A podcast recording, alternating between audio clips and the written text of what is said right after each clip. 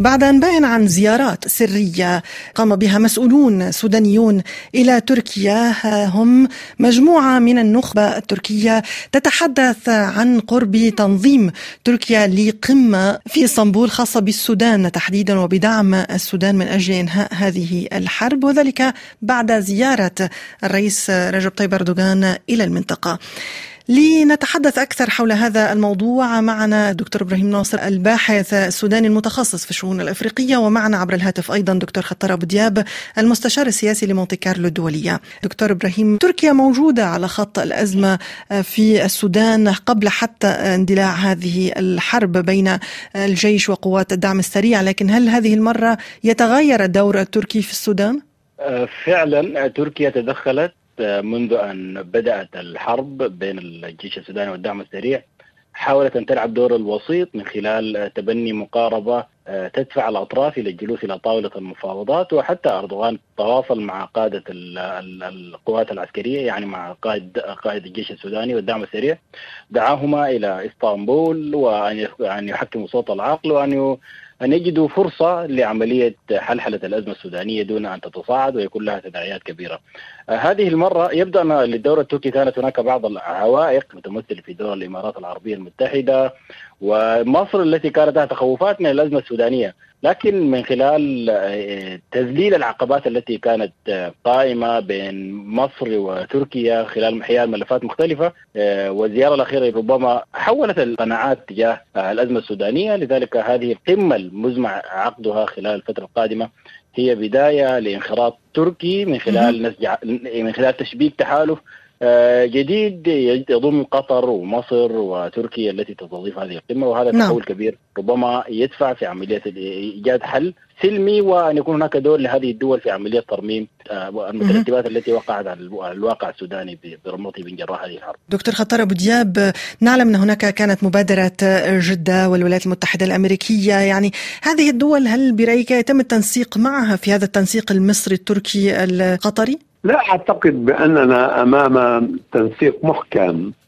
هناك مصالح تتقاطع ونعلم أن علاقة تركيا بالسودان وما أثير في الماضي حول جزيرة السواكن والسعي التركي لإيجاد أيضا موطئ قدم هناك. ونعلم أن الاتفاق الأخير التركي الصومالي ركز وضع تركيا على في القرن الإفريقي أكثر فأكثر. المصالح قديمة منذ أيام العثمانيين وتستمر كما أن مصر لها يعني ليس فقط موقع الجيرة موقع تاريخي من ال من ال الوجود والتحدي المشترك مع السودان وقطر نظرا لصلتها الحميمة مع حكم البشير. تستمر الصلة مع حكم البرهان ونعلم أن حكم البرهان الآن يجمع بين المتناقضات. يعني هناك من يدعمه منذ منذ من من من المعارضين هنا وهناك وهناك حتى إيران التي كان هناك زيارات نحوها وربما أيضا تزود أو تزود السودان بالطائرات المسيرة. هناك إذا تنويع من قبل البرهان الذي يحظى أيضا بدعم سعودي ويبقى أساسي عند الأطراف جميعا ولكن حمدتي بالذات أيضا عنده دعم ليس فقط إماراتي هناك دعم أثيوبي دعم إفريقي ودعم متنوع. نعم. اذا لأن دكتور خطر أبو دياب ذكر إيران دكتور إبراهيم ناصر وذكر أنك ضيفي من إسطنبول. وأنت باحث سوداني يعني عندما دخلت إيران على الخط هل هذا ما سهل ربما تنامي الدور التركي والتنسيق مع مصر وقطر؟ بالطبع التطور الذي حصل مؤخرا في العلاقات السودانية الإيرانية أثار حفيظة الدول الأخرى ويعتبرون أن تواجد إيران في منطقة القرن الأفريقي ربما تؤثر من حدوث تأثير هذه البلدان وخصوصا تركيا التي تنظر إلى الدور الإيراني ربما يكون مزاحم للدور التركي. وكما ذكر الأستاذ خطار إنه إيران الآن تركيا كثفت وجودها في في في الصومال وعندها علاقات أصبحت وقعت اتفاقيات مهمة تتعلق بالاتفاقيات الدفاعية والاقتصادية وكذلك إدارة الموارد البحرية. هذه هذه ملفات أعتقد ربما أثارت يعني أسرعت من خطى التحرك التركي والمصري وكذلك القطري حيال السودان وأن يكون لهم تفاعل مختلف. أعتقد أن الزيارة التي قام بها وزير الخارجية السوداني مؤخرا هي كانت يعني خطوة جدا استراتيجية ومهمة في عملية تحريك المياه الراكدة وتعجيل من الطبائع ومن خطى هذه الدول الدول نعم. قطر وتركيا فيما يخص السودان آه، قووا يعني حاولوا أن يدعموا لكن كانت هناك بعض بعض المطالب أو بعض الظروف أرادوها تتخلق حتى يتحركوا بقوة لكن أعتقد التحرك الإيراني أجبر هؤلاء أو سمح لهؤلاء أو أعطى فرضية انه فرصة إنه هذه طيب. تتحرك حيال هذه الازمه. إيران دكتور خطر ابو دياب يتم الحديث عن أنها تزود آه، كما ذكرت قبل قليل السودان بالمسيرات، فهل تركيا ستفعل نفس الشيء؟ يعني أصلا سوق المسيرات الآن ينتشر في العالم وقبل آه، دخول إيران على هذا الخط وخاصة عبر بيعها لهذه الطائرات المسيرة إلى روسيا وعبر تزويد ميليشياتها في المنطقة بهذا النوع والذي يستخدم ضد القواعد الأمريكية وغيرها. آه اذا آه هناك سعي للمنافسة لكن تركيا بعد إسرائيل والدول الغربية هي من الدول المهمة المنتجة للمسيرات. المسألة ربما سيكون هناك سعي من قبل البرهان ونعلم أن حكم البرهان تعددي نعلم مدى الوجود وجود النظام السابق فيه أيضا. من أجل كل ذلك يسعى البرهان توسيع الدائرة من أجل تطويق حمدتي المشكلة أنه من دون الحوار بين البرهان وحمدتي من دون المخارج لن يكون هناك من مخرج للسودان. نعم. يعني المسألة مهما اعتمدوا على دعم خارجي من هنا وهناك من دون حوار سوداني سوداني ومن دون محاولة تفكير لوقف هذا النزف السوداني آه، سيبقى الأمر آه، إذا تنافس على الدمار وليس التنافس على إنقاذ السودان. هل تمتلك تركيا دكتور إبراهيم ناصر القدرة على أن تضع الطرفين على طاولة حوار واحدة؟ اولا للأسف الشديد الأزمة بين ال بين ال الأطراف المتقاتلة في السودان وصلت إلى مراحل صفرية، الصراع آه تنزل إلى القواعد آه للأسف الشديد والقواعد المجتمعية وهذا ربما يطيل من أمد آه الصراع ويجعل الصراع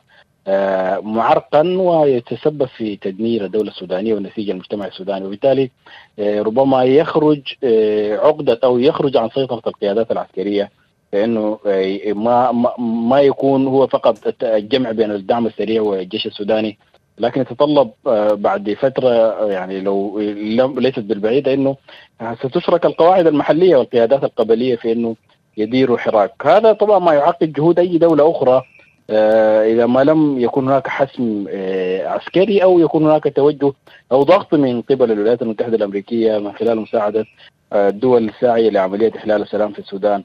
وبالتالي تركيا لا تستطيع الآن على حد على على أقل تقدير أن تجمع بين الطرفين لأنه دول أخرى لا لا تح... لا, ت... لا تمنح تركيا هذه ال... هذه الخاصية. نعم. وخصوصا مصر ترى بأنه هي... هي يمكن أن تتبنى مقاربة مختلفة في عملية التعامل مع الازمه السودانية دون أن تسمح لدول أخرى كتركيا ربما تنافسها، لكن عمل الزيارة الأخيرة ربما أفرجت الكثير من العقد أو حلت الكثير من العقد المصرية وأن التحرك التركي المصري حيال منطقة البحر. الأحمر ربما يكون منسق أكثر وهذا طبعا يتضمن آه، الأزمة السودانية. نعم. والملاحظ دكتور خطر أبو دياب أن تزامنا مع هذا الحديث عن آه، التنسيق التركي القطري المصري فيما يخص السودان الصحف التركية تركز على الجانب الإنساني وعلى المجاعة في السودان وعلى كل ما يريده السودان. وهناك حتى جلسة على هامش مؤتمر زراعي صناعي تستضيفه إسطنبول سنويا سيتم آه، في يونيو حزيران المقبل هناك جلسة حول مساعدة السودان إنسانيا فهل يمكن أن ينحصر الدور الذي تريد أن تلعبه أنقرة في الجانب الإنساني؟ يعني بالفعل آه، الوضع في السودان مريع وإذا صدقنا آخر إحصاءات الأمم المتحدة هناك سوء تغذية واسع وهناك مخاطر مجاعة يمكن أن تطال 18 مليون شخص وهذا رقم كبير. تركيا أيضا لا تتحرك فقط ببيع المسيرات أو عقد الاتفاقيات السياسية.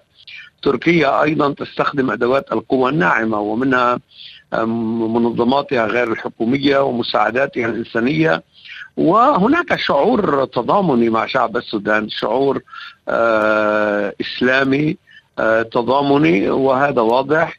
وكل هذا إذا يمكن أن يدفع الجانب التركي إلى تنويع الوسائل من أجل إبراز صلاته وصداقاته مع السودان. يعني في سؤالي الأخير لك دكتور إبراهيم ناصر آه، الشخصيات التي زارت مؤخرا تركيا بشكل سري أو علني من السودان ما الذي كانت تبحث عنه تحديدا عند أنقرة؟ لاحظت هذه الدولة السودانية بأن الدور التركي آه، مغيب أو لا تريد تركيا أن تنخرط في الأزمة السودانية حتى لا تفتح جبهات مع قوى مع دول آه، طبعا جمدت معها الصراعات في القديمة وخصوصا في منطقة الشرق المتوسط وفي ليبيا وفي منطقة وفي منطقة الخليج العربي يعني مع الإمارات والدول والسعودية.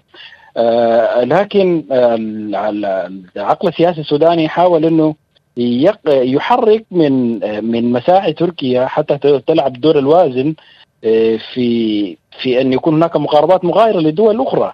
يعني إثناء الإمارات من موقفها الداعم للدعم السريع أو آه، آه، أن يكون هناك تشكيل لتوجه جديد في حيال السياسة الإماراتية تجاه الأزمة السودانية. ربما خططت إليه الدولة السودانية عبر تركيا وخصوصا العلاقات مع تركيا. على الإماراتية التركية كانت حصلت حصلت يعني حصل فيها حالة من الانفراجة. أيضا السودان عنده مشاريع زراعية كبيرة ومشروع الهواد آه، الزراعي معروف إنه هو من ضمن المشاريع الاستراتيجية يعني الكبيرة جدا. آه، تركيا باعتبارها تسعى لتقويه نفوذها وأدواتها الاستثمارية في السودان.